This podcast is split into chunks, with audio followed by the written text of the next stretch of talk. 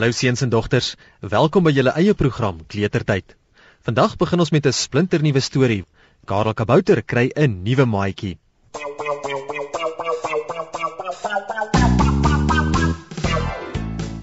Karel Kabouter sit op die wal van die rivier wat deur die groot bos loop. Hy kou in 'n takkie en kyk na die naaldekokertjies wat oor die water vlieg en elke dan en wan afduik om 'n slukkie water in hulle bekke op te slurp.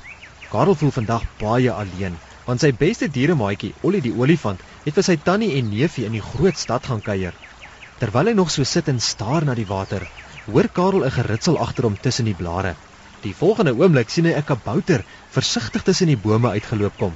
Die kabouter loop kaalvoet en dra rooi klere met 'n wolmissie op sy kop. Karel Kabouter staan op en stap na die kabouter toe. Hallo kabouter, sê Karel. My naam is Karel. Wie is jy en waar kom jy vandaan? Die kabouter staan dadelik stil toe hy vir Karel sien. Sy oë is groot oopgetrek en staan koel rond in sy kop. Hy loer om hom rond. My naam is Errol. Is ons alleen? Is daar nie gevaar nie? Karel Kabouter skud sy kop. Ons is alleen, Errol. Dis net die naalde kokertjies en die voëls hier by ons. Vir wie is jy so bang? Errol stap versigtig nader na Karel toe, maar so ver as wat hy loop, loer hy om hom rond. Toe Katrina kraai skielik bo in die boom hard skree, skrik Errol so groot dat hy oor sy eie voete val op die gras reg voor Karel. Hy hou sy kop vas en kreun van bangheid. "Help my asseblief, Karel. Hulle is op my. Hulle gaan my vang." Karel Kabouter gaan sit op sy hurke by Errol en sit sy arm om hom en sê: "Dis net Katrina Kraai wat so geskree het, Errol. Sy sal niks aan jou doen nie. Wie wil jou vang?" Errol Kabouter sit regop en skud die stof van sy klere af. "Ek is jammer, Karel, dat ek so gou geskrik het. Ek bly op Kaboutervlakte Ons het nie baie geld daar nie en twee reuse het eendag gesê ek moet saam met hulle gaan dan gee hulle vir my baie geld as ek vir hulle kom werk. Ons was net uit ons dorp uit en toe vang hulle my, maak my vas en gebruik my as 'n slaaf vir hulle. Toe hulle gisterand slaap het ek die toue waarmee hulle my vasgebind het losgewikkel en weggehardloop. Ek het toe hier in die groot bos verdwaal. Errol kyk weer om hom rond met sy groot oë. Ek is seker hulle gaan my soek. Ek wil nie weer die reuse slaaf wees nie. Karel Kabouter staan op en trek vir Errol aan sy hand op. Kom saam met my na my parastoolhuisie toe Errol, sê Karel. Daar sal die reuse jou nie kry nie. Ek sien jy's baie moeg. Jy kan sommer 'n bietjie gaan slaap ook. Errol ontspan en glimlag so effens. Baie dankie Karel. Dis gaaf vir jou. Saam stap Karel en Errol met die voetpaadjie langs na Karel se parastoolhuisie toe. Katrina kraai vlieg bokant Karel en Errol se koppe. Sy skree en klap met haar vlerke.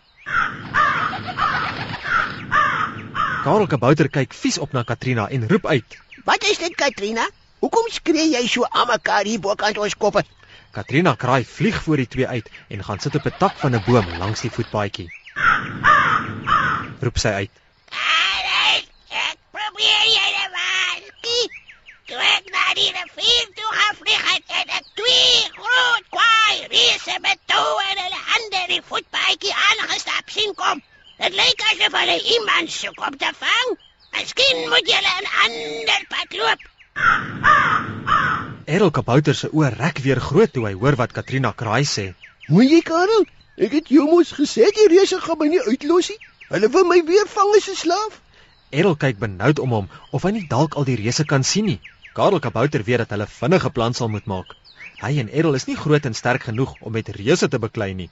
Hy vryf oor sy kop en sê toe: "Errol, Kom, ek en jy neem 'n kort paadjie hier deur die bosse na my paddestoelhuisie toe sodat ons nie dalk in die reuse vasloop nie. En Katrina, dankie dat jy ons kom waarsku. Roep Katrina uit. Sien nou die reuse hoor jy hulle twee in die bosse hardloop. Hulle is baie naby. Karel Kabouter raak ook nou bekommerd. Katrina kraai is reg. As die reuse hulle in die bosse hoor hardloop, kan hulle maklik gevang word. Die reuse met hulle lang tree sal die kabouters met hulle kort treetjies gou-gou kan inhaal. Toe kry hy 'n plan. Katrina, jy moet ons help. Vlieg na die reuse toe en skree hard en klap met jou vlerke. Dit sal hulle aandag aftrek sodat ons kan wegkom.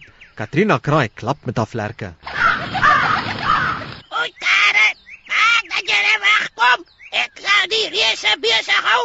Terwyl Katrina kraai in die lug invlieg in die rigting van waar die reuse is, hardloop Karel en Errol die bosse in. Roep Karel. Ons moet gou maak. 'n Entjie verder in die bospaadjie kom twee groot reuse aangestap. Die grond bewe onder hulle voete en hulle is so lank dat hulle koppe bo by die bome se toppe uitsteek. Albei se koppe was kaal met groot ore, knopneuse en dik lippe. Hulle het vet magies gehad omdat hulle lui was en altyd slawe moes hê om vir hulle te werk. Aan die een se sy was 'n groot sak wat met 'n band om sy skouers gehang het. Goh, Sê die een reus met 'n krakerige stem. ek is nog altyd vies vir jou dat jy in die slaap geraak het toe jy die kabouter moes opwas. Goel die ander reus skud sy kop. Ek is jammer, Jat. Ek was net baie moeg. Ons sal die kabouter weer kry, want ek sien sy voetspore hier in die bospaadjie. Ek wonder net wat se geraas hoor ek daar voor in die bos. Hmm, Dalk is dit die kabouter. Die twee reuse stap met hulle lang bene in die bospaadjie af, al op die voetspore van Errol, die kabouter wat van hulle ontsnap het. Katrina Kraai sien die twee reuse al van ver af.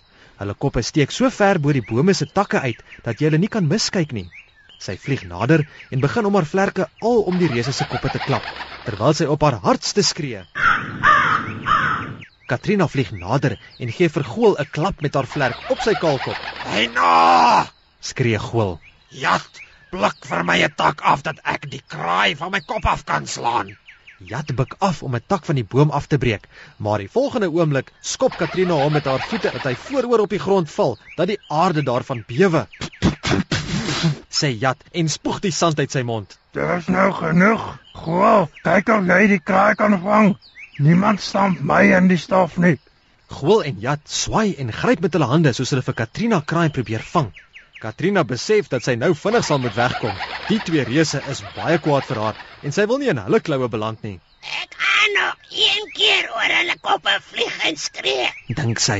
Dit sal vir Karel en vir Errol genoeg tyd gee om weg te kom. Katrina kraai maak 'n wye draai in die lug en vlieg al skreeuende op die twee reuse af. Wat Katrina nie gesien het nie, is dat Jat toe wel 'n tak afgepluk het en toe sy bokant sy kop is, swaai hy die tak teen haar een vlerk vas. Katrina kraai dadelik van balans af en val met 'n geskree grond toe, reg in die grypende hande van Goel, die reus. Bly stil, kraai. Roep Goel. Jy het ons genoeg gepla. Hier sal Jat, sit die kraai in die sak daar om jou lyf. Vanaand braai ons 'n voël vir aandete. Katrina kraai spartel en probeer loskom, maar Goel se reuse hand is te sterk. Terwyl Jat haar in die sak om sy lyf prop, kry Katrina dit reg om 'n laaste harde skree uit te kry. Help my! Die reus het my gevang. So ja. Sê Jat. Nou is die kraai stil, goh. En daar is nog genoeg plek in die sak om die kabouter ook in te sit. Kom, ons moet hom gaan soek. Die twee reuse begin weer aan te stap met die bospaadjie langs, al op die spore van Errol, die kabouter wat van hulle ontsnap het. Dit is ook nie hoe te lank nie of die twee reuse kom by die rivier aan waar Errol vir Karel gekry het. Hulle kyk na die spore en toe na die bosse rondom hulle, Kyk hier, goh. sê Jat. Hier is die kabouter wat weggekom met sy spore. Maar dit lyk vir my hier is nog 'n kabouter se spore. Goel loer oor Jat se skouer. Ah, so daar is nog 'n kabouter. Nou kan ons twee kabouters vang as slawe, Jat. Dan hoef jy nie meer vir my kwaad te wees omdat ek die een laat wegkom het nie. Jat skud sy kop en kyk toe in die rigting waar Karel en Errol tussen die bosse ingehardloop het. Kom, goh. Die spore loop in daardie rigting. Sal die twee reuse, Goel en Jat, vir Karel en Errol kan vang? En wat gaan van Katrina kraai word? Kom luister volgende Sondag verder na Karel Kabouter kry 'n nuwe maatjie.